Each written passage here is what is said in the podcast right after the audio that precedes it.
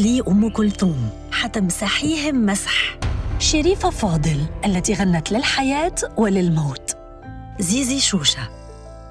في الساعات الأولى من صباح أمس الأحد 5 آذار مارس وهي تنادي ابنها قتيل حرب الاستنزاف. غيب الموت سلطانة الطرب الفنانة المصرية شريفة فاضل عن عمر ناهز 93 عاماً.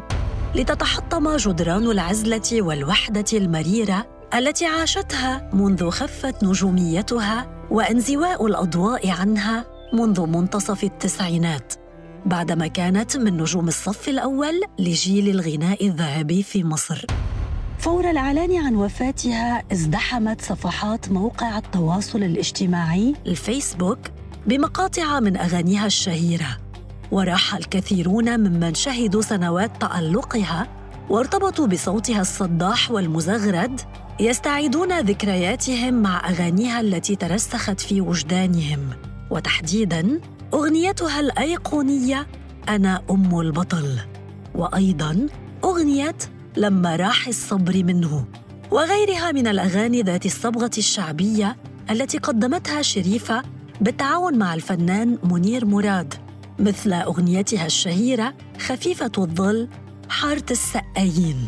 لكن هذا الاحتفاء على الفيسبوك قابلته حالة من الغياب والصمت على أرض الواقع حيث غاب الوسط الفني والغنائي عن مراسم تشييع جنازة الفنانة الشهيرة. وهكذا تضافرت حالتا الغياب والتجاهل هذه من جانب الوسط الفني مع العزلة التي عاشتها أم البطل. لترحل شريفة فاضل رحيلا صامتا. لا يليق بصوتها المتوهج وبحتها التي وكأنها نسجت من أشعة الشمس الذهبية. في القاهرة ولدت فوقية محمود أحمد ندى الاسم الحقيقي لشريفة فاضل في 15 أيلول سبتمبر عام 1930 وهذا التاريخ هناك تضارب وجدل حوله في الأخبار التي تم تداولها عن أعلان وفاتها. وهو ما يكشف حالة الاستهتار المؤسف الذي تعاني منه عملية التوثيق الفني للسيرة الحياتية للفنانين في مصر. نشأت شريفة فاضل وسط أسرة تقدر الفن، البعض منهم يغني، لكنه لا يمارس الفن، فأمها كانت عازفة بيانو، تقضي أغلب وقتها في العزف، وكانت الطفلة شريفة تلتقط النغمة من أمها وتنتفض وكأن روحا ما تلبستها حتى يخرج صوتها قويا واثقا مندفعا نحو معانقة شيء بعيد. هذا الشيء هو حلمها الذي ضحت بالكثير من أجله لأنها كما قالت في إحدى حواراتها السابقة كانت تعتبر الغناء عبادة. ولا تستطيع العيش بدون أن تغني. فهي خلقت لتصدح بالغناء لأن الكون كله يبعث على الغناء سواء كان حزينا أم مبهجا. فهكذا هي الحياة ضفيرة من الحزن والفرح. كانت أمها عازفة بيانو وفنانة بالفطرة ولا شك أن هذا كان له تأثيره البالغ على شريفه فاضل. لكنها دائما ما كانت تقول أنها ورثت الصوت القوي من جدها المقرئ صاحب الحنجرة الذهبية الشيخ أحمد ندى. فمن جدها تسللت إليها الموهبة وعرفت المقامات وكيفية اعتلائها وكذلك النغم المشبع المنساب المتدفق كشلال. مبكرا انفصلت الأم عن الأب الذي كان يعمل موظفا بوزارة الزراعة. وتزوجت من أحد الرجال الأثرياء ابن الفلكي باشا. ثم انتقلت الفتاة ذات الثلاثة عشر عاماً للعيش مع أمها وزوجها في إحدى العوامات في النيل. وهناك سمعها أحد الجيران وهي تغني. وكأن هذا الرجل هو سيد ياسين صاحب مصنع الزجاج الشهير. هكذا انتبه رجل الأعمال لموهبة الشابة الصغيرة وعرض على أمها أن يقوم بإنتاج فيلم لها. فكان أول ظهور لشريفة فاضل في فيلم الأب. قامت فيه بدور صبية مكفوفة البصر تغني يا قطن يا حليوة وغيرها من الأغاني المبهجة ذات الصبغة الشعبية. قبل هذا الفيلم كان لشريفة تجربة مهمة في الإذاعة المصرية. حيث كانت تقوم ببعض الأدوار الدرامية في الإذاعة مع الإذاعي الشهير محمد محمود شعبان الشهير ببابا شارو.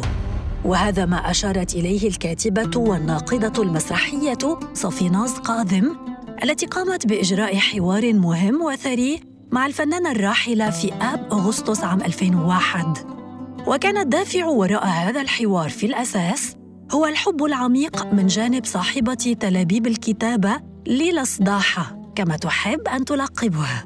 كما أنهما ينتميان إلى جيل واحد. فصوت شريفة قد ترسخ في وجدان الكاتبة منذ أن كانت طفلة تستمع إليها في الإذاعة وهي تقول أنا حورية الماء ولصافي وصف فني جميل لصوت شريفة. كتبت في مقدمة حوارها فجأة يلمع صوتها كالجوهر على القطيفة السوداء إنها ماسة مصقولة بألق نادر ليس مبعثه حلاوة الصوت وحدها من المذياع الصغير تنتفض شريفة فاضل بوجد النغم وآه من الصبر وآه. اللحن جياش ناري متأجج وروحها الوثابة تناول أحبالها الصوتية الجمرات. هل السر يكمن في البحة المطعمة لانسياب الآه؟ أم هذا التمكن والارتكاز القدير فوق المقام؟ أم هذه اللعلعة الواثقة تروح وتجيء بالليل والعين تتجول كيفما شاءت مهرة خفيفة الظل مسحوبة بعشق المراعي الخضراء وشوق الخروج إلى البراح الريان بأنهار العسل واللبن يكشف الحوار الذي يعد بمثابة تأريخ مكثف لسيرة حياة شريفة فاضل؟ الكثير من الجوانب الخفية عن حياتها الحافلة والثرية. وكذلك يقترب بحنان ودفء من حزن شريفة الدفين. هي الأم التي فقدت ابنها الشاب سيد السيد بدير في حرب الاستنزاف. ثم امتصت هذا الموت المفجع وحولته إلى غناء شجي وعاصف خارج من أعمق نقطة من روحها. وقد تجلى ذلك في أغنيتها طبعا من أم البطل. وعن كواليس هذه الأغنية روت شريفة لصافي أنها كانت تتعرض لإغماءات كثيرة أثناء تسجيلها لهذه الأغنية. وكانت تشعر وكأن شرايينها تتمزق. أم البطل خرجت من الجمر المشتعل في قلبي غنتها بكبرياء حزني. في الإذاعة تعرفت شريفة فاضل على المخرج السيد بدير وكان كما حكت لصافي متزوجا ولديه أولاد ويكبرها بسنوات عديدة بل يقترب من سن والدتها لكنها أحبته وصممت على الزواج منه وهي ابنة الخامسة عشر عاماً ممنية نفسها بالنجاح الذي ستحققه كفنانة من خلال ارتباطها بهذا المخرج المهم. لم تعترض الأم واستمر الزواج لتسعة أعوام، وضعت نهايته غيرة زوجها عليها، حيث حجبها عن الجميع، وكان رافضاً أن تغني وتمثل، ومن ثم صممت على الانفصال، ولكن قبل الطلاق أجبرته على أن يصنع لها فيلماً. وكان فيلم ليلة رهيبة. غنت فيه شريفة فاضل أغنية أمانة يا بكرة. وكانت هذه الأغنية بدايتها الحقيقية في عالم الغناء. كانت الأغنية من تأليف إسماعيل الحبروك وتلحين محمد الموجي. وقالت شريفة عن الأغنية في الحوار أنا لولا الغنوة دي نجحت واشتهرت ما كنتش حبقى شريفة فاضل. بعد طلاقها من المخرج السيد بدير تزوجت شريفة من اللواء علي زكي التي قالت أنه حب عمرها ولم تحب رجلا في حياتها سواه. معا أسسا كازينو الليل بشارع الهرم. بعدما مرض زوجها استولى الأصدقاء على هذا الكازينو وتراكمت الديون عليهم. حتى أنها باعت ما تمتلكه من مجوهرات لكي تسدد الديون. وبشكل عام رأت شريفة فاضل أن تأسيس هذا المكان لم يكن في صالح تجربتها الفنية. الليل أساء لي. منعوني من الحفلات عشان هو ملهى ليلي. لكنه كان في الأول مكان محترم وكنت أحترم نفسي. وعمري ما قعدت في الصالة مع حد. كل الأمراء يأتون إلى مائدتي وجوزي معايا. عارفين أنا ما أقعدش مع حد. كان فيلم سلطانة الطرب الذي يجسد سيرة حياة المطربة منيرة المهدية تجربة مهمة في المسيرة الفنية لشريفة فاضل. قامت هي بالإنتاج وأخرجه المخرج الكبير حسن الإمام. تأثرت شريفة كثيرا بحياة منيرة المهدية وأحبتها وتعاطفت معها وكانت تخشى أن يكون مصيرها كمصير منيرة القاسي.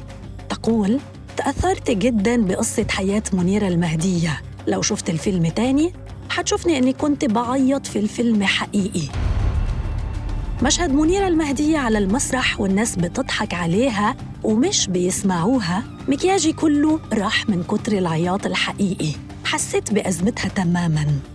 كنت عاملة حساب اليوم ده لما يحصل لي نفس اللي حصل لمنيرة المهدية. يقول الروائي والناقد الفني شريف صالح لرصيف 22 إن أهمية الفنانة شريفة فاضل في الحركة الغنائية المصرية تكمن في تفردها في تقديمها لنوع خاص من الغناء الشعبي الذي شكل مسارا مقابلا للون الغنائي الشعبي الذي كانت تغنيه خضره محمد خضر وجمالات شيحة. فلم يكن هناك فرح في مصر بدون أغنية يا معجباني يا غالي وأعتقد أن هذا الإنجاز ليس بسيطا. وأضاف شريف أن شريف فاضل تنتمي لجيل الخمسينيات في الغناء المصري. وفي هذه الحقبة كان هناك مشروع فني وثقافي قوي وكانت مضامين ورسائل الفن في صلب النظام السياسي أي أنها كانت تخدمه وليست منعزلة عنه. ومن هناك كنا نجد الكثير والكثيرات من الفنانين والفنانات لديهم انتماءات يسارية. وكان هناك اهتمام كبير بتقديم أغاني العمال والفلاحين بما يتلائم مع التوجه الاشتراكي للدولة حتى أصبح هناك أرشيف كامل لهذه الأغاني التي لدى شريف فاضل حصيلة كبيرة منها. وبشكل عام نجحت شريفه فاضل في تقديم الغناء الشعبي التي تريد السلطة أن تقدمه للشعب. أطلق موسيقار الأجيال محمد عبد الوهاب على شريفه فاضل لقب المزغرده. تعبيرا عن البهجة والفرح والصهللة التي تنبعث من صوتها. أما كوكب الشرق أم كلثوم فقد تنبأت لها بأنها ستكون في مقدمة المطربات والمطربين بل ستمسحهم جميعاً. وبفخر واعتزاز روت شريفة تفاصيل الحوار الذي دار بينها وبين كوكب الشرق حين التقتها مرتين. مرة في منزل أحد أصدقاء زوجها آنذاك المخرج السيد بدير والمرة الثانية في عرس هدى عبد الناصر ابنة الرئيس جمال عبد الناصر. تحكي شريفة دخلت لقيت أم كلثوم وأنا بعبدها. أستغفر الله العظيم. أنا معبودش غير ربنا. قصدي بحبها حب كبير وأبويا كان يحبها. حببتني في الغناء وتعلمت من غنائي لها وأنا طفلة. ما كانش عندي غير غنوتين. أمانة يا بكرة ومبروك عليك. قمت غنيت الغنوتين وبقت تصفق لي قوي. جت جنبي كده وطبطبت عليا وقالت لي انت عارفة يا صغيرة انت هتمسحيهم كلهم. بصيت لها وقالت لي آه سيبك بقى من مين ومين ومين. انت هتاكليهم هتمسحيهم مسح. والله باللفظ ده قالت لي في صوتك حاجة أنا ما سمعتهاش قبل كده. صوتك جميل وسليم وفيكي بحة جميلة. وبعدين انت يا أختي ما بتقلدينيش. كلهم يطلعوا يقلدوني لكن انت ليكي لون لوحدك. عشان كده هتبقي جميلة. هذه كانت نبوءة أم كلثوم لشريفة فاضل. لكن حسابات الوسط الفني كان لها رأي آخر. ففي منتصف التسعينات أو ربما قبل ذلك بدأت نجومية شريفة في الخفوت. حتى ارتكنت إلى العزلة والوحدة. لأنها كما أفضت لصفيناس قاذم كان مغضوبا عليها من جانب شخص لم تحب أن تذكر اسمه. وظلت لسنوات عديدة وحتى وفاتها غائبة عن الحفلات. لا تتلقى أي دعوة لحضور الحفلات والمهرجانات الفنية. خدوني في لبنان. أنا لما رحت حسيت بشريفة فاضل. يا خسارة يا بلدي حاجة تحزن. استقبلوني وكأني ملكة نزلة عندهم. سألوني في فضائية لبنانية. وينك من الأعلام شريفة فاضل؟ وينك من التلفزيون المصري؟ وانتي من علامات الفن في مصر. وفينك من الحفلات؟ قلت لهم والله مش عارفة. أنا نفسي مش عارفة أنا فين من التلفزيون المصري ومهرجانات الغناء والتكريم. اللي بيحصل ده غريب ومش منطقي. 15 سنة كنت بعيدة عن لبنان. قلت لهم أنتوا فكرتوني إني شريفة فاضل. راحوا كلهم واقفين يصفقوا.